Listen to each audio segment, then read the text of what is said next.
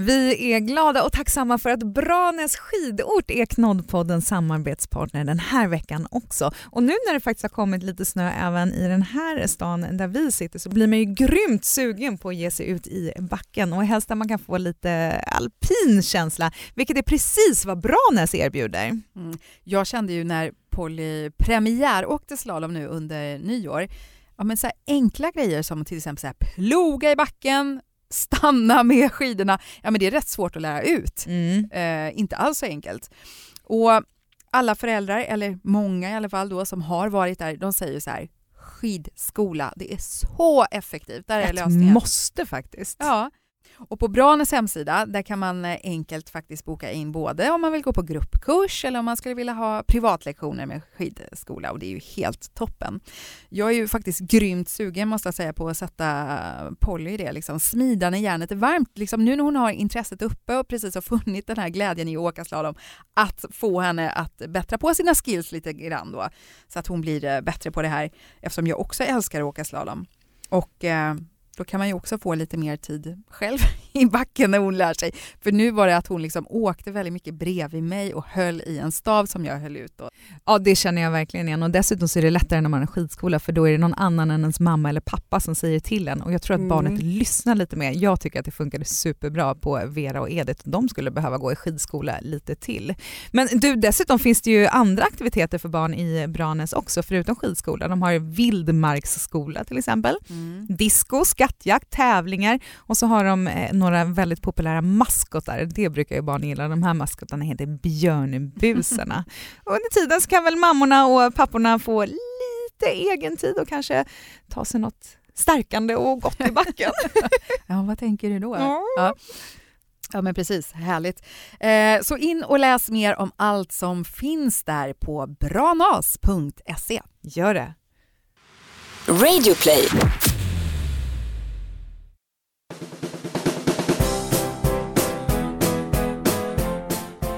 Hej och välkomna till Knoddpodden. En knodd om poddar. Hur många gånger har jag sagt fel på det där? En podd om knoddar ska det vara naturligtvis. Ordning på torpet. Barn menar vi då ja. förstås när vi pratar om knoddar också. Och framförallt om oss föräldrar som ibland kanske löser vardagen på våra alldeles egna speciella sätt som inte riktigt är som experterna tycker att man ska göra. Kanske. Men, Men hur, hur skulle okej. vi annars göra? Jag menar det, hur klarar man sig annars? Det är normalt att vara onormal. Mm. jag heter Mikaela, jag är mamma till Vera som är åtta år och Edith som är fem. Jag heter Jeanette och är mamma till Polly och hon är fem år. Och förutom här så hittar du oss också på Instagram och Facebook som Knoddpodden. Mm. Vi fick ju en så himla gullig eh, kommentar där, såg du det häromdagen? Ja, när vi la ut om förra veckans avsnitt. Det var ja. ju typ bästa recensionen. Eh, då är det en som heter Isabelle Alm. Man vet ju det. Isabelle Alm kanske faktiskt. Isabella Alm till och med, om jag tänker på Om man det. kan läsa ja. så. Så skrev jag så här, åh, den bästa podden, lyssna på podden i bilen så fort det har eh, kommit ett nytt avsnitt. Barnen skriker efter frost, men mamman måste tanka sig full med underbara avsnitt. Sambon blir nyfiken på mitt skrattande under matlagningen och det slutar med att även han lyssnar och, hör här, gillar det! så himla kul! Två små barn, fyra och ett halvt och tre år och det tredje är på bakning, så det här känns eh, riktigt härligt med era härliga berättelser och lösningar inger hopp i en tidvis clueless mamma. Ja, oh, precis tack så Isabella! ja, så roligt. Eh, så som sagt, kolla in vårt Instagram och eh, vill man mejla, sa du mejladressen? Nej, Nej, det gjorde jag inte. Men knoddpodden gmail.com. Mm. Lättare än så kan det inte bli. Funkar bra. Du, är allt bra med dig?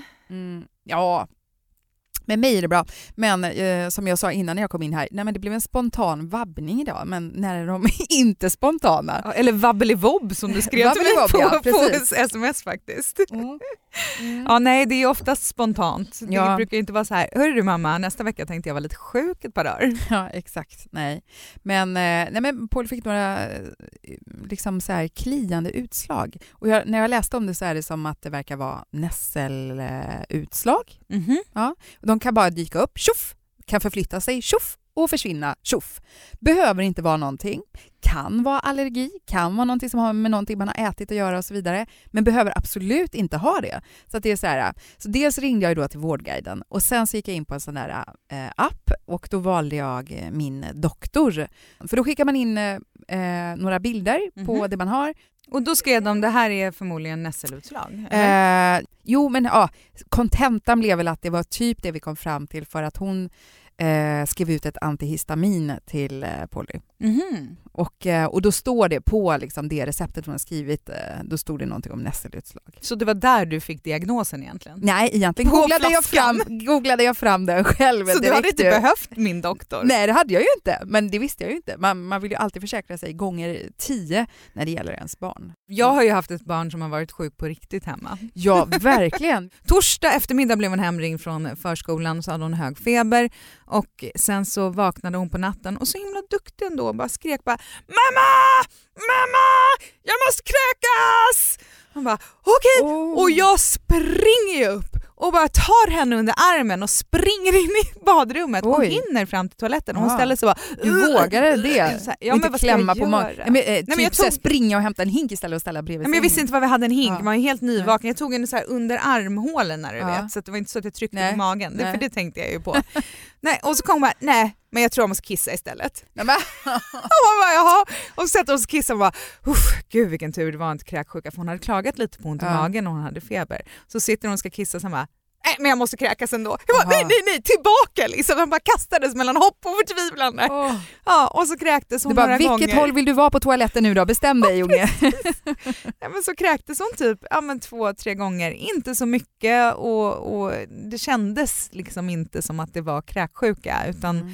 mer eh, sådär, man kan ju få kräkningar när man har hög feber och så. Det har hänt Vera förut vet jag. Så Edith hon tittade på mig och hon bara ja Ja mamma, nu vet vi, nu vet vi vad jag har. Mm. Jag har kräkfeber. Ja.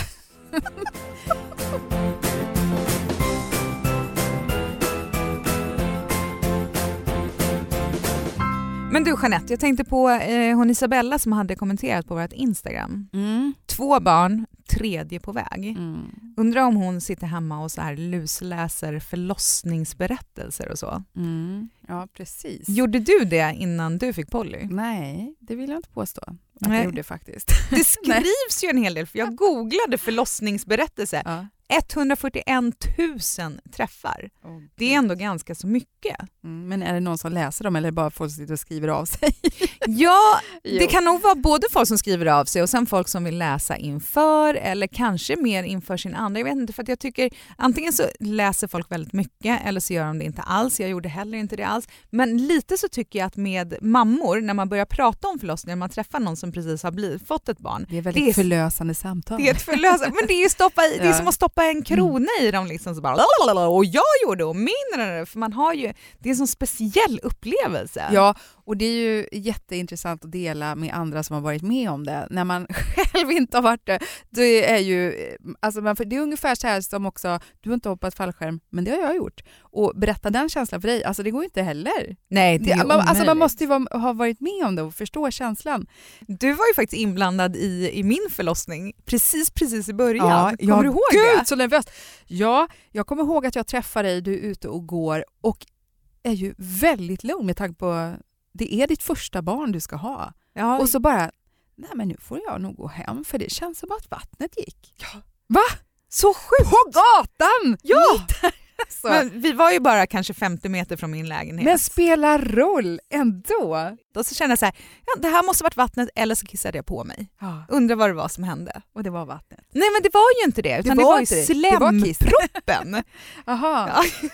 Det, och det var ju så konstigt för jag kom ju hem sen och, och, ringde då upp till BB och bara hej, jag tror att mitt vatten har gått och de bara hur mycket var det, hur ser det ut, är det blod, bla bla. De bara, nej men det är slemproppen. Jag bara slemproppen? Vad i helvete är slemproppen? Mm. Allvarligt talat, hade du någonsin hört talas om slemproppen innan du fick barn eller? Nej, det tror jag inte faktiskt. Man har hört att vattnet går men inte att det kommer en propp först. Nej, så sen då så kom ju Mats hem Eh, och så började jag känna lite, folk var ju hela tiden så här, du vet när du behöver åka in. Och jag bara, okej, okay. då, då, måste det vara helt tydligt när jag ska åka in. Verkarna, det kommer kännas på ett helt speciellt sätt och bara nu måste det vara dags. Jag bara känner ju att det gör lite ont liksom. Mm. Drar ihop sig men du vet i slutet på graviditeten hade man lite sammandragningar lite då och då. Mm. Så jag tänkte, liksom, vi satt hemma och kollade på TV, jag och Mats käkade godis och, och vi laddade hem en app i telefonen som man kunde liksom, eh, klocka verkarna på. Och det var till och med så att några var så här, undrar om det där var en verk? Ska jag säga till Mats att trycka på go eller ska jag, äh, nej strunta i det. Så att jag tror det varit lite fel där i beräkningen. Mm. Men sen så skulle vi gå och lägga oss och klockan var väl efter midnatt någon gång och då hade det kommit blod och då var man så här, ja, men då får vi ringa och de bara, men kom upp hit så kollar vi och så kollar de och så var det väl öppet någon centimeter eller någonting. Och fortfarande så kände jag liksom inte att det där var, ja men du vet, jag fattade aldrig det. Du Nej. vet när det är dags. Nej. Hur ska jag veta det? Det gör lite ont, det känns lite, men det var ju liksom inte, det var ju helt hanterbart. Man bara, jaha, nej men det hade tydligen börjat. Men mm -hmm. vi mhm. fick åka hem igen och så fick vi sova några timmar hemma så skulle vi komma tillbaka och då vaknade jag vid fem och gick upp och då gick vattnet. Jaha, och det var på ett helt annat sätt? Puff! Va? Det, det var så? som att jag kissade på mig i 190. Oj. Men sen började verkarna och jag bara nu vet jag, vi måste åka nu! Oh. nu! Och då stoppar vi in i bilen och åker till sjukhuset som tar alltså tre minuter för vi bodde nere på Hornsgatan, ska till Södersjukhuset. Om man kan Stockholm så vet man det här är liksom, ja, du fan går ju dit på fem minuter. Mm. Men det var så lång tid. Mm. Så att de här som bara, jag tänker inte föda på mitt nära sjukhus utan jag vill ha det här sjukhuset för de har lite mjukare lakan och lite skönare belysning. Kan inte förstå det. Det är ju helt galet.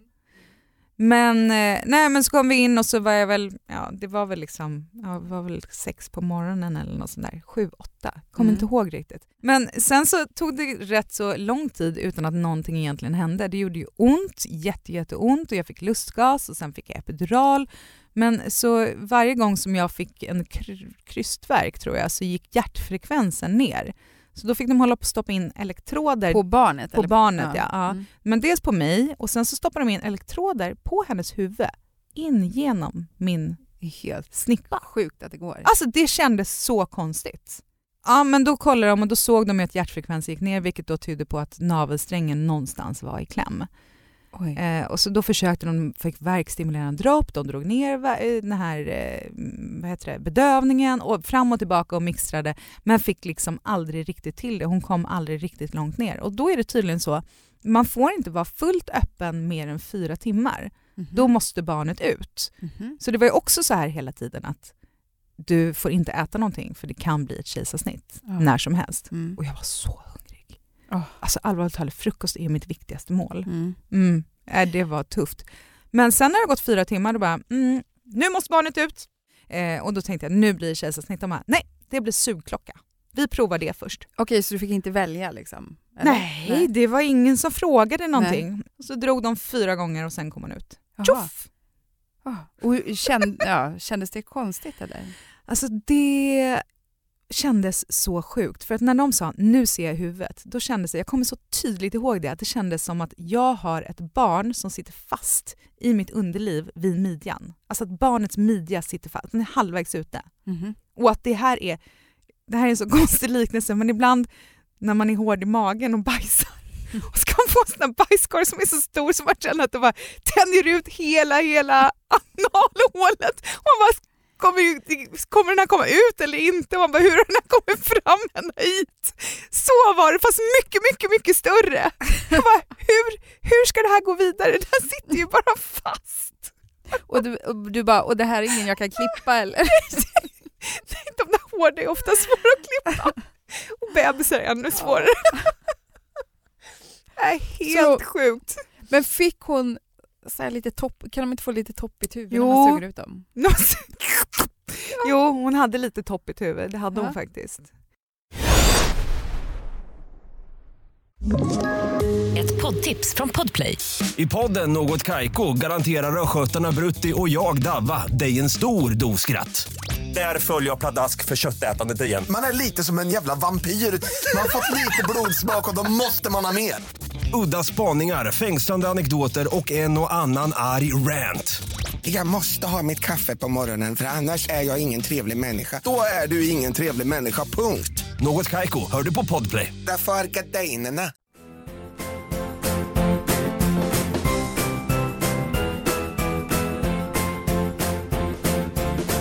Jag eh, hade ju ett barn som inte ville vända på sig i magen.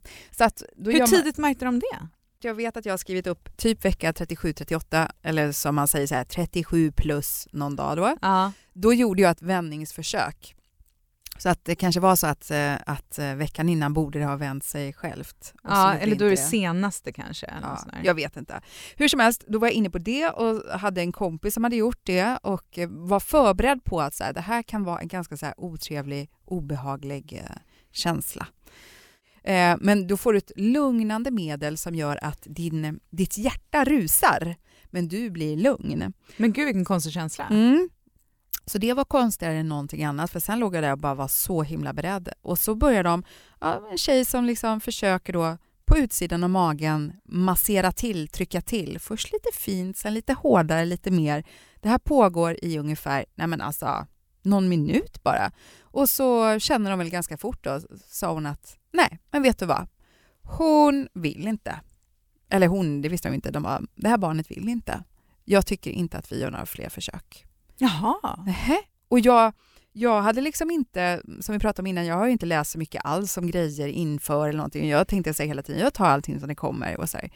Och eh, då sa, så jag hade inte tänkt på så här, vad ska hända nu? Jag var väl inställd på att det skulle vändas och inte att det inte, inte skulle vändas. Nej, Så bara, nej, så jag bara, men okej, så vad nu? Hon bara, ja. men hon får stanna där. Mm.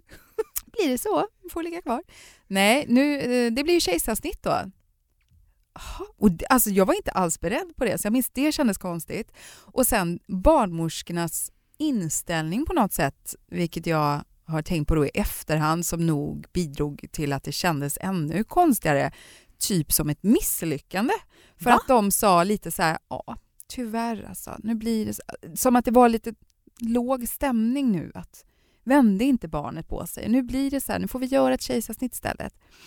Så att eh, jag bara, "Ha, när blir det här? Och de bara, ja, det får vi se. Du får åka hem nu, kommer du få ett brev på posten. Nej men gud, kan man, man bara få här, en tid Exakt, direkt? ge mig en tid med en gång här nu då. Så jag åkte hem och kände mig så omtumlad eh, fysiskt och mentalt och kände mig så här ledsen och misslyckad. Liksom. Men fy vilken tråkig känsla. Ja, jättehemskt. Innan man då liksom landade i det och började se kanske en del fördelar i att faktiskt göra ett planerat kejsarsnitt då istället. Mm. Eh, och pratade sen med, eh, där jag jobbade då, med någon som hade både fött eh, naturligt då, och gjort kejsarsnitt och liksom, vi kunde sitta och prata och jämföra och så här. Ja, men sen, sen, sen då kände man ju nästan bara fördelar med det här för att det blev ju min enda verklighet. Att jag ska föda barn men med kejsarsnitt. Men det enda jag inte ville var att hålla på och läsa om det och framför allt inte komma över någon film på Youtube om när de plockar ut ett barn eh, genom ett snitt i magen. Eh, men det som var bra var ju att eh, vi kunde lämna bort vår älskade lilla tax till mina föräldrar i god tid så att eh, man inte behövde tänka på det. Eh, vi kunde gå ut och äta en sista middag som bara vi två och veta så här här sitter vi, imorgon är vi en familj, då har vi Ah. barn. Och det var så sjuk känsla, så vi bad servitrisen ta ett kort på oss där vi sitter vid det här bordet för att bara, och så tror jag vi sa det, för imorgon är vi föräldrar. Det här är så konstigt. Gud vad sjukt. Nej, så sen då fick vi en tid och eh, man åkte in där på förmiddagen och eh, kom ihåg att träffa några, några gamla kollegor i väntrummet. Nej. Jo, så himla sjukt. Liksom. Men vadå som också skulle göra Ja, de hade slott tiden precis innan. Lägg Liksom. av. Alltså, vi Så bara, de är typ nästan syskon era barn Ja, så Men- sjukt. Det skiljer typ så här 15-30 minuter på dem i ålder. Ja, så himla knappt. Och de har träffats efteråt. Så här. Nej, sen var det ju bara så här, in då, en väntan. Jag Vi kanske åkte dit, kom in vid nio och eh, typ, vad är det, en minut i tolv, då är Polly född. Så det går ganska fort ändå. Så här. Man hinner sitta och tänka lite grann. Och jag var mest så nervös för själva ryggmärgsbedövningen och få den här sprutan in i ryggen. Det tyckte jag var det Mhm. allra jobbigaste. Mm. Inte sen att tänka så här att de kommer skära i mig, det kommer skäras djupt i många lager, många lager med allt möjligt. Så ska jag igenom och så här, det tänkte jag inte mycket på utan det var mer det här fy sjuttsingen att få den där bedövningssprutan. Men jag minns att man kände sig så väl omhändertagen i det här rummet och det var så fin och skön och härlig stämning liksom. Men du såg ingenting? Man ser bara ett blått skynke eller? Ja, precis. Såg Eh, Tom någonting? Kunde han, han liksom fick välja, sneakpeeka? han kunde få titta om man av. ville, men han ville inte. Men jag kommer ihåg då från att man får den här sprutan och den kändes ju ingenting. Det, Jag kommer det som jag var mest rädd för. faktiskt. Nej, kände ingenting, kommer ihåg. Man satt där på kanten, eh, framåt, liksom, jag hängde på en annan sköterska eller någonting så här över hennes axlar och så bara, nu sätter vi sprutan. Ja, känner ingenting. Och de bara, nu ska du lägga dig, eller du kommer få hjälp att lägga dig. Jag bara, va? För tjoff, på tio sekunder så bara, jag känner inte underdelen av hela min kropp. Jag ser hur de tar mina ben rakt upp i taket så liksom, för att lägga över dem Ja. så att de ska ligga på bordet där. Och jag bara, är det mina ben? Alltså, Det är mina ben ni drar i! Det är så himla konstigt. Jaha, och sen då så sätter de upp det skynket och så gör de lite tester. Då. De står och nyper med någon jättehård tång tydligen så i magen rätt hårt för att bara känns det här, känns det? Jag bara, nej jag känner ingenting. De bara, bra, då kör vi igång liksom. Oh. Det enda jag kommer ihåg var att de hade ett fönster och sen hade de dragit ner persiennerna och jag fick för mig så att ser jag i den vinkeln nu då kommer jag kanske kunna se hur det speglar sig, vad de gör där bak. Nej, men, det vill jag absolut inte så, så det var bara att ligga där och vänta. Jag minns men fick du så här tvångstankar och titta dit lite då och då? Nej, Nej. tvärtom. Att Nej. bara tänker inte titta dit. Eh, Tom satt bredvid mig så här uppe i höjd med min, ja, mitt huvud liksom. Mm. Och vi satt väl bara och höll varandra hårt i handen och man bara Ja, nu börjar de. de bara, nu lägger vi ett snitt. Så bara, ja, okej. De var kanske, inte vet jag, tre, fyra, fem personer som höll på där nere. Liksom då. Okej, och det var lugnt. Och sen började det. Och du vet, de drog i mig som ett stycke kött. Man var som ett trasdocka. Man bara så här, åkte så här till höger och vänster på det här bordet. Bara, Nej, men är det så tungt liksom att dra ut ett ja, barn? sliter liksom kroppen. Tänk bara, så tjoff, att man bara tjoff. plockar upp det lite Nej. fint så här, som i en liten sidenask. Liksom. Mm. Nej. Nej, de slet hit och dit och liksom, man bara, men gud, alltså, det var så sjukt. Det var nästan som man var så här full i skratt. Vi bara tittade på varandra, vad händer liksom? Och sen, jag kommer inte ihåg, jag får för mig att det kan vara 10-15 minuter så hör man då Bara, det är ute och då blir det en sån himla, alltså ja, känslorna bara kommer över en så man bara, men gud, gud, nu har kommit ut ett barn liksom. Och då kommer någon direkt och lägger det på bröstet och, och liksom och man bara, nej men fattar ingenting. Och så tar de och torkar av det lite grann och kommer visa bara, titta här, titta här vad ni har fått. Och då har vi senare i tiden av graviditeten tänkt då hur min mage ser ut och så vidare. Så här, det kommer troligen bli en pojke. Så vi är så inställda på att det är en pojke som kommer och visar så här. Och ni ser vad det är. Åh, det är en pojke! Säger båda två och tror att vi ser en jättestor pung eller någonting. De bara, nej det är en flicka. Jaha! Ja, det var ju också fint. Vad gjorde ni på biologilektionerna i Exakt, helt borta i huvudet. Därav Pollys mellannamn Lo som är lite androgynt. Ja, jag tror säga Bo. Ja. Eh, nej, och det var ju bara helt fantastiskt. Men jag var ju liggandes där då och eh, så det var ju direkt så här där inne. Jag får ju bara ligga still och titta när de håller på med barnet. De väger och mäter och kollar grejer och eh, direkt var det så här bara kommer nu pappan, nu är det bara så här visa vad det går för, på med en blöja här. bara okej. Och eh, sen som du sa så fick man ju då åka upp på ett uppvak eh, och ligga där. Men jag kommer faktiskt inte ihåg att jag kände mig så här, åh, jag är borta från mitt barn. Utan eh, man var ju trött och konstig och, och när de kom och tittade till en så de bara, hur känns det här? Hur mår du? Kan du börja röra på dina ben? Ja, okej, okej, gör nu så här, paddla med dina fötter så här, det hårdaste, snabbaste du kan. Och jag bara, okej! Och jag bara kände så här, jävlar vad jag ligger och paddlar här under täcket. Och så tittar jag ner och det är som en myra jobbar där under, det bara plupp, plupp, plupp, plupp, plupp. Så himla konstig känsla. Så det tog nog ungefär tre timmar jag för mig tills jag kunde då komma ner till rummet. Och Men du var vaken i tre timmar alltså? Eller? Ja, var väl lite omtöcknad sådär. Ja, ja. liksom. Och jag, jag var ju inte sövd någon gång eller något. Liksom. Det var ju bara så här Nej, lokal ja. bedövning. Så att, men man var ju ja, lite borta ändå. så att eh, ja, det var, det var konstigt. Men hur var det efteråt när man har snittats? Nej, ja, att grejen är ju så här att allting går ju så bra. Det kän, man känner sig jätteomhändertagen när det är så planerat. Man tänker så här, alla vet vad de ska göra. De är förberedda på vad som kan hända. Man känner sig väldigt trygg faktiskt. Sen då den stora skillnaden när man är då på den här avdelningen där alla vi ligger som är nyförlösta, det är ju att de som har fött eh, naturlig väg då så att säga vaginalt, de är ju uppe och går på ett annat sätt medan vi som har sytt de där stygnen går i 90 grader med ryggen typ och bara oj, oj, oj, oj, oj, oj, oj. Men hur länge höll det i sig då? Nej men det gjorde ganska ont. Eh, det var ju en jättepers att ta sig upp. Det kanske var även för dig, vet jag inte. När man skulle så här, första gången man ska in i duschen där och liksom bara försöka gå på toaletten själv, byta underkläder själv. Alltså, det var så himla jobbigt. Så jag var kvar där i tre nätter, mm. eller båda, både jag och Tom. Och eh, det gjorde väldigt ont. Och jag minns framförallt var det en otrevlig känsla att känna så här, jag är rädd att det ska gå upp stygnen om jag sträcker på mig för mycket, om jag kommer åt och nuddar. Och helt öppet sår Om jag har några kläder. Hur långt är det så? Alltså hur långt? Eh, nej, inte mer än cirka en decimeter. Säg ja. 10-12 centimeter. Väldigt långt ner placerat, så har du ett par normala skurna trosor på dig så syns det inte. Liksom. Nej.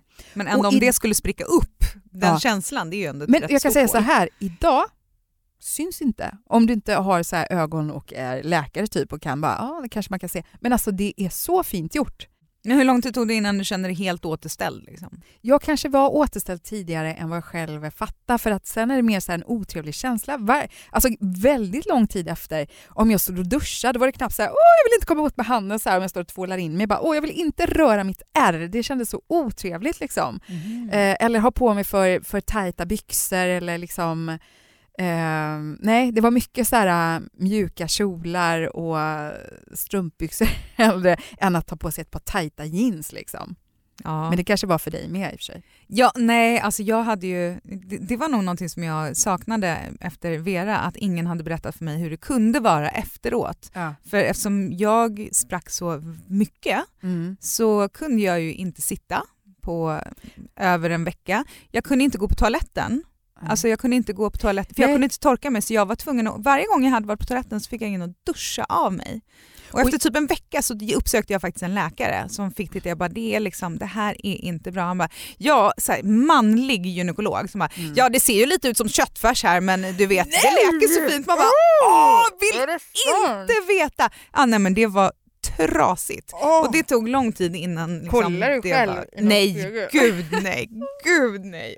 Oh. Men fy vad, vad himla dålig metafor. Tycker du? Vadå då?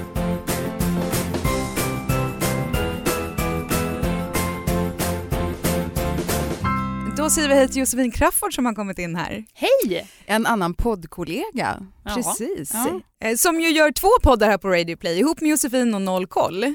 Precis, en relationspodd med Ketsala som vi har gjort i många år och sen så nya podden då Nollkoll eh, om, om vad ens kids håller på med som man inte fattar som vuxen. För de, eh, de har ju så mycket spännande för sig. Mm, och den gör du mm. tillsammans med din son och hans kompis? Ja, precis. Det är egentligen deras podd kan man säga och så sitter jag med som den där dumma vuxna och bara vadå? Vadå? Varför gör man så? Inte det där spelet jättefarligt? Blir man inte en mördare om man spelar det? Och så vidare. Ja.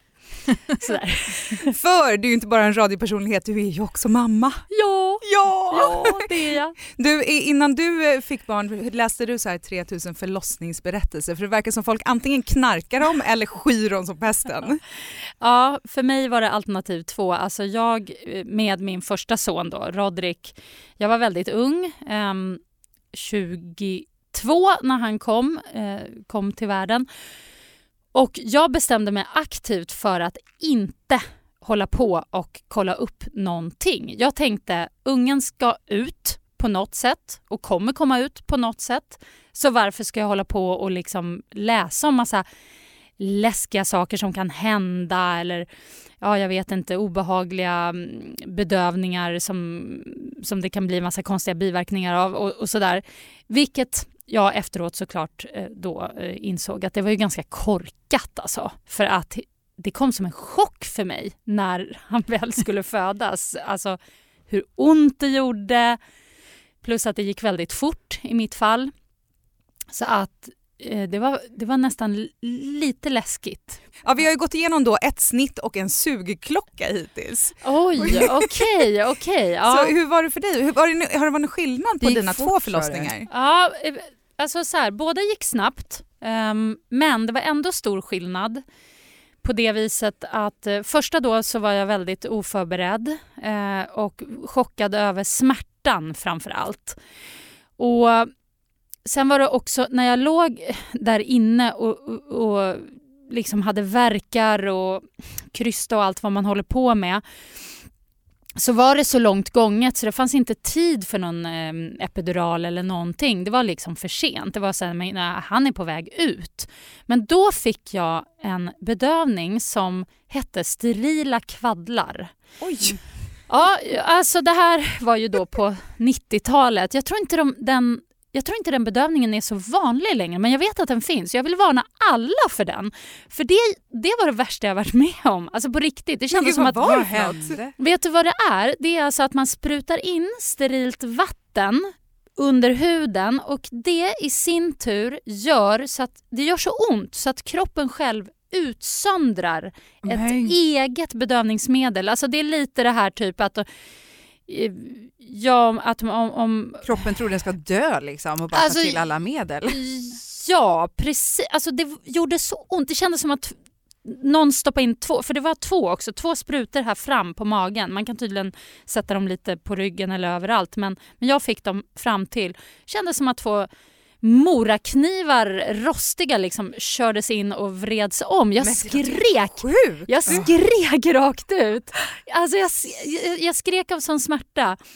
Så till och med min eh, exman då, alltså, som ja, man som han Pappan var då, pappan till barnet, han började ju gråta när, när det hände. Och han satt bara bredvid ändå. Ja, han satt bara bredvid. Att, men sen, eh, förutom det då, eh, så gick det ganska bra. Eh, Rodrik kom ut, nästan fyra kilo vägde han, så det var en stor klump Ja. också. Eh, och, och i och med att jag inte hade tagit några andra bedövningar eller så, så förutom lustgas, Mm. så um, var man ju på benen ganska snabbt. Alltså, andra förlossningen tio år senare, eh, Charlie, då, en, då var jag mycket mer så hade kollat upp saker plus att då har man ju liksom gjort det en gång. Mm. Så det var så himla skönt att ha det i bakhuvudet. Och då var jag mycket coolare. Sen så är ju jag en gaphals så jag skrek eh, jättemycket under, under själva förlossningen. Eh, också så det var, det var en sån här barsk sköterska, jättestor, tjock, Babushka. äldre babusjka-kvinna som bara Hörru du Josefin! Nu håller du tyst! Alltså hon verkligen så här sa åt mig på skarpen sådär så jag bara Åh okej okej. Så här, Nu ska du krysta istället för att skrika. Jag bara okej. Så att, eh, men då gick allt mycket smidigare. Men återigen, det gick så fort. Jag hann inte ta någon bedövning. Så båda mina har bara varit Naturliga. naturliga och med lustgas. Ja. Då då. Men sen var det en annan grej också faktiskt på, kom jag på nu, på min andra förlossning då med Charlie som, som var väldigt speciell tycker jag, den här babushka sköterskan, hon var så cool också. För hon kunde säga så här, men nu ska du, nu ska du trycka liksom, nu ska du trycka ur den här trycka ut den här melonen. Men sen kunde hon också säga så här, nu tar du det lugnt, nu får du inte pusha för hårt. Håll, håll dig från det och nu trycker du. Och det här gjorde hon för att det inte skulle spricka eller gå liksom så. Mm. Och det var faktiskt häftigt för att det funkade ju verkligen också. Då var det verkligen så här, vi, jag åkte ju hem samma dag direkt efter. Jag bara, äh, behöver inte vara här på någon sjukhus, nu åker vi hem. Ja men gud Swish. vad skönt. Så att ehm, det är ju väldigt viktigt vilka man har omkring Bra sig. coaching liksom. Ja. Ja. Mm. Men om du skulle få, få avslutningsvis ge, säg tre tips då inför någon som kanske sitter där och bara ska föda. Då tycker jag att man ska... För det första så tror jag att varje förlossning verkligen det är en sån individuell upplevelse. Så att det är klart att det kan vara kul att höra historier från vänner och bekanta. Men man ska veta att det är, det är en helt egen upplevelse. Så låt dig inte skrämma upp oss massa historier och sånt. Som, Mm. som jag gjorde nu. Bara, Åh, det gjorde så ont så jag ville dö.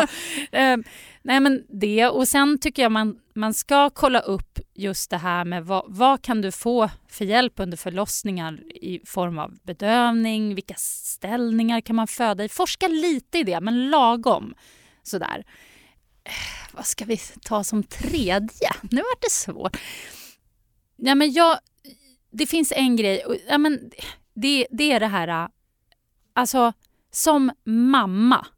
När du blir mamma, för det blir du ju där när du föder ditt barn. Alltså, det finns så mycket så här instinkter och häftiga grejer och jag tycker man ska lyssna på dem.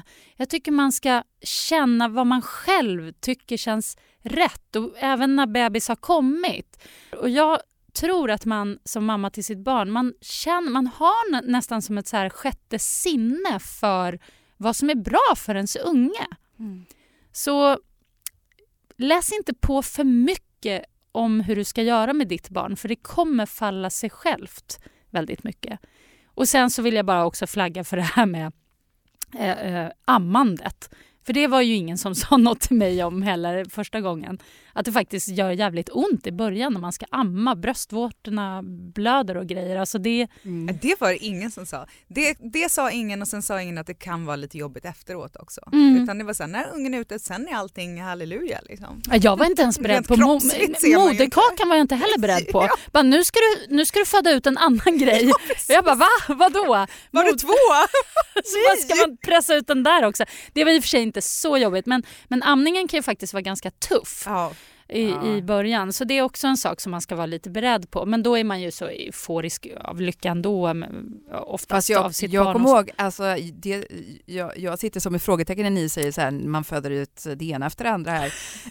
och så ble, jag blev snittad och bara, ja, då var det klart. Ser vi ihop och så bara hopp.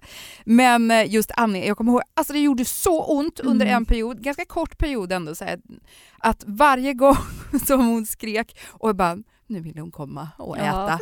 Så satt jag på soffkanten, satt mig så långt ut och så satt jag och var tvungen så här sitta och stampa med foten och bara ah, ah, för det gjorde så ont. Det gör ju det, det ah. gör ju det. Men då har jag hört att man ska, man ska verkligen se till att bebisens ansikte eller liksom munnen är verkligen tryckt mot bröstvårtan helt rakt, i ja. rak riktning. Ja, man ska ju inte kväva barnet såklart kanske men, men liksom Ja, vad härligt att du kunde komma förbi Josefin och dela med dig av oh. dina förlossningsberättelser. Ja, tack för att jag fick komma. Jättekul.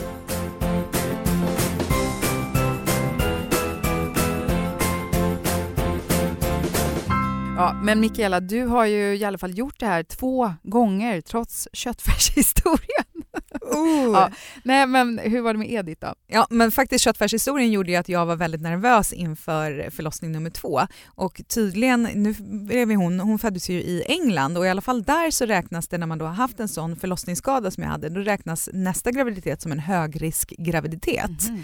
Eh, så att jag fick gå på massa extra koller och de pratade om igångsättning innan ifall att, alltså mycket tidigare än man skulle göra annars. Vi pratade kejsarsnitt. Så jag var ganska orolig över det där men sen när det väl var dags så gick det, ja det gick ju snabbt allting och, och då, då kände jag ändå, jag kände mig ganska trygg i att det skulle vara en vanlig förlossning mm. och var ganska kaxig sådär, men det här har jag gjort förut, nu vet jag liksom, det här är verkar, de kommer, vattnet gick, alltså hon var så på Och det skiljer pricken. ju fem år eller vad säger jag, tre, tre år? Ja, två och ett halvt år skiljer mellan dem. Ja, mm, mm. Det gör det. Eh, men hon var beräknad då den 15 mars och en halvtimme efter midnatt den 15 mars, då gick vattnet. Mm. Och så bodde vi ju nära sjukhuset så jag gick ju dit, det var ju bara så här 200 meter till sjukhuset. Så jag gick ju dit så fick de kolla så CTG och allting såg bra ut så blev jag hemskickad, hade lite verkar och på morgonen så lämnade vi bort Vera till kompisar eh, och Mats åkte in och hämtade sin dator på jobbet och jag låg och kollade på en serie. Alltså det var inte värre än så men det var precis som innan liksom. de där första verkarna, ma, känns inte så himla mycket. Och sen så typ vi framåt förmiddagen så var jag så här, men nu börjar det nog bli dags Mats. Vi kolhydratsladdar. Du vet jag var så himla bara Som ett maraton ska Exakt. göras liksom. Jag bara det här kommer vara jobbigt, vi behöver Så jag började laga pasta men sen halvvägs in i den lunchen så bara, jag vet du vad Mats, nu måste vi nog gå. Då var det fyra minuter mellan verkarna och så gick vi till sjukhuset och då var det typ ja, två och en halv minut när vi kommer dit. Och sjuksköterskan fattar inte riktigt det där att det har gått så lång tid så hon lägger mig på en brits och bara du får ligga här och vila, stoppa på något CTG och jag bara okej okay, okej. Okay. Och hör hon bara ja men jag kommer tillbaka om en halvtimme och så sitter hon vid ett bord borta och hon bara hör hur hon pratar i telefon bara oh, so you're going to the cafeteria, could you bring me some pudding? Mm, I think I'll have a banana trifle. Och jag bara Va? och då kände jag såhär men gud ska hon hålla hålla på och liksom springa iväg och hämta efterrätt och grejer. Jag bara, det händer här och då hörde väl hon mig för jag började stöna lite och bara för att visa att hallå det händer saker här och då bara oj och kolla bara nej men gud du är ju fem centimeter öppen och det är ju dags nu och ville typ rulla bara, mig till ett förlossningsrum. About, about the, the, the pudding. Så jag fick ju ta mig till ett förlossningsrum och det första jag säger bara epidural, jag måste få epidural för då hade alla Men- berättat för mig också hur fantastisk epidural kunde vara när man fick riktig. För Mhm. med Vera hade jag ju fått liksom upp och ner och upp och ner, den hjälpte inte så mycket. Jag hade Mhm. ganska ont under den förlossningen medan alla andra får du en redig epidural då är det liksom inte så farligt. Så jag Nej. hade sett så fram emot det. Mm. Så det första jag säger är epidural och de bara Too det här late. barnet är snart här. Nej. Jag tycker åh, det är så ofta man hör det. Bara så här, Nej, det var för långt gånget, det går inte. Hur snabb måste man vara egentligen med att säga? Jag vet inte hur långt Man, innan bara, ska man det ringa man in ska två göra. dagar innan? Precis, Jag jag, tror att kanske, men precis som, som Josefin sa så kände jag då, alltså den där, det gjorde så ont och jag bara, ska jag göra det här helt utan bedövning? Med lite bedövning tyckte jag att det var hemskt, det gjorde jätteont. Eh, nu ska jag göra det helt utan och det var som en sån här, jag bara önskade mig en utomkroppslig upplevelse och undrade lite så här, varför svimmar inte jag av den här smärtan nu? Så att jag åtminstone får vila lite grann. Jag kunde inte förstå det och skrek till Mats så här, jag ångrar mig, jag vill inte, jag kan inte göra det här. Vi avbryter! Men eh, ja, det gick ganska snabbt och hon kom ut och de här barnmorskorna, det de sa det var liksom bara ta i som om att du ska bajsa. Och det var det bästa rådet Jaha. faktiskt. Det var det. För sen kom hon ut och det gick bra och det sprack inte särskilt och, och liksom ja, där låg hon. Hon mådde bra, jag mådde bra till de bara hmm, vänta, den här livmoderkakan Livmoderkakan, så heter det, moderkakan. Livmoder. Ja, den ska komma ut och det gjorde den inte. Så ryckte hon då i navelsträngen, sitter ju fast där, så hon rycker och så bara hör man. Jag bara, vad var det som hände nu? Jaha, den gick av. Navelsträngen gick av och det där sitter fast inne i mig. Och så säger de så här, det tycker jag var så konstigt, för det är många som ser det som något mål att man ska föda utan bedövning. För mig var det inget mål som sagt. Jag kan säga, jag har, jag har en kompis som har gjort det och hon sa det så här, när jag sa, men gud, gjorde det inte sjukt ont ändå? När, när, när verkarna kom, då låg jag där och bara tog emot smärtan. Jag tog emot den. Ja, vad ska man göra? Det finns väl inget annat att göra, men det är ju inte skönt. Och jag ser inte varför. Det finns Mm. ingen poäng i att inte... Nu kommer säkert någon att säga att det finns det, bla bla. Finns men det jag någon vill sån t-shirt man kan köpa eller? Ja. Ja. Nej men då säger de här sköterskorna till mig så här, ja men stackars dig, nu har du klarat hela det här utan bedövning och så ska du behöva få bedövning nu ändå för att gå upp och operera ut moderkakan som har fastnat. Mhm. Man bara, vadå stack ja, Det var inte någon bragd, det var inte Nej. min önskan, jag ville inget hellre än att bli redigt bedövad. Eh, och så var man i England och då var vi tvungna att skriva på papper, det är okej att ni opererar mig, bla bla bla, bla. Och när allt det är färdigt, allt pappersarbete, då kommer läkaren tillbaka och så tittar hon lite och klämmer lite. Så, men vet du vad, ta lite lustgas till här. Så, och så kryssar du en gång till. Ja, plopp, så kom den Så ut. kom, ah. Så vi slapp. Så hej! Yay! Du kan köpa t-shirten. Jag kan köpa Född t-shirten. utan bedövning.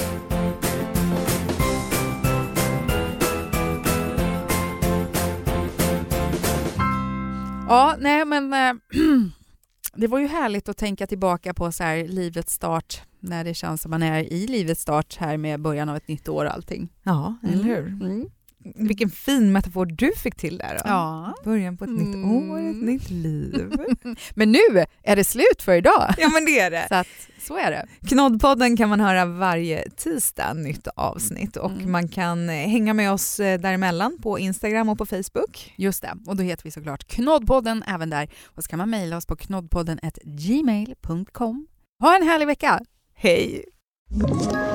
Ett poddtips från Podplay. I fallen jag aldrig glömmer djupdyker Hasse Aro i arbetet bakom några av Sveriges mest uppseendeväckande brottsutredningar.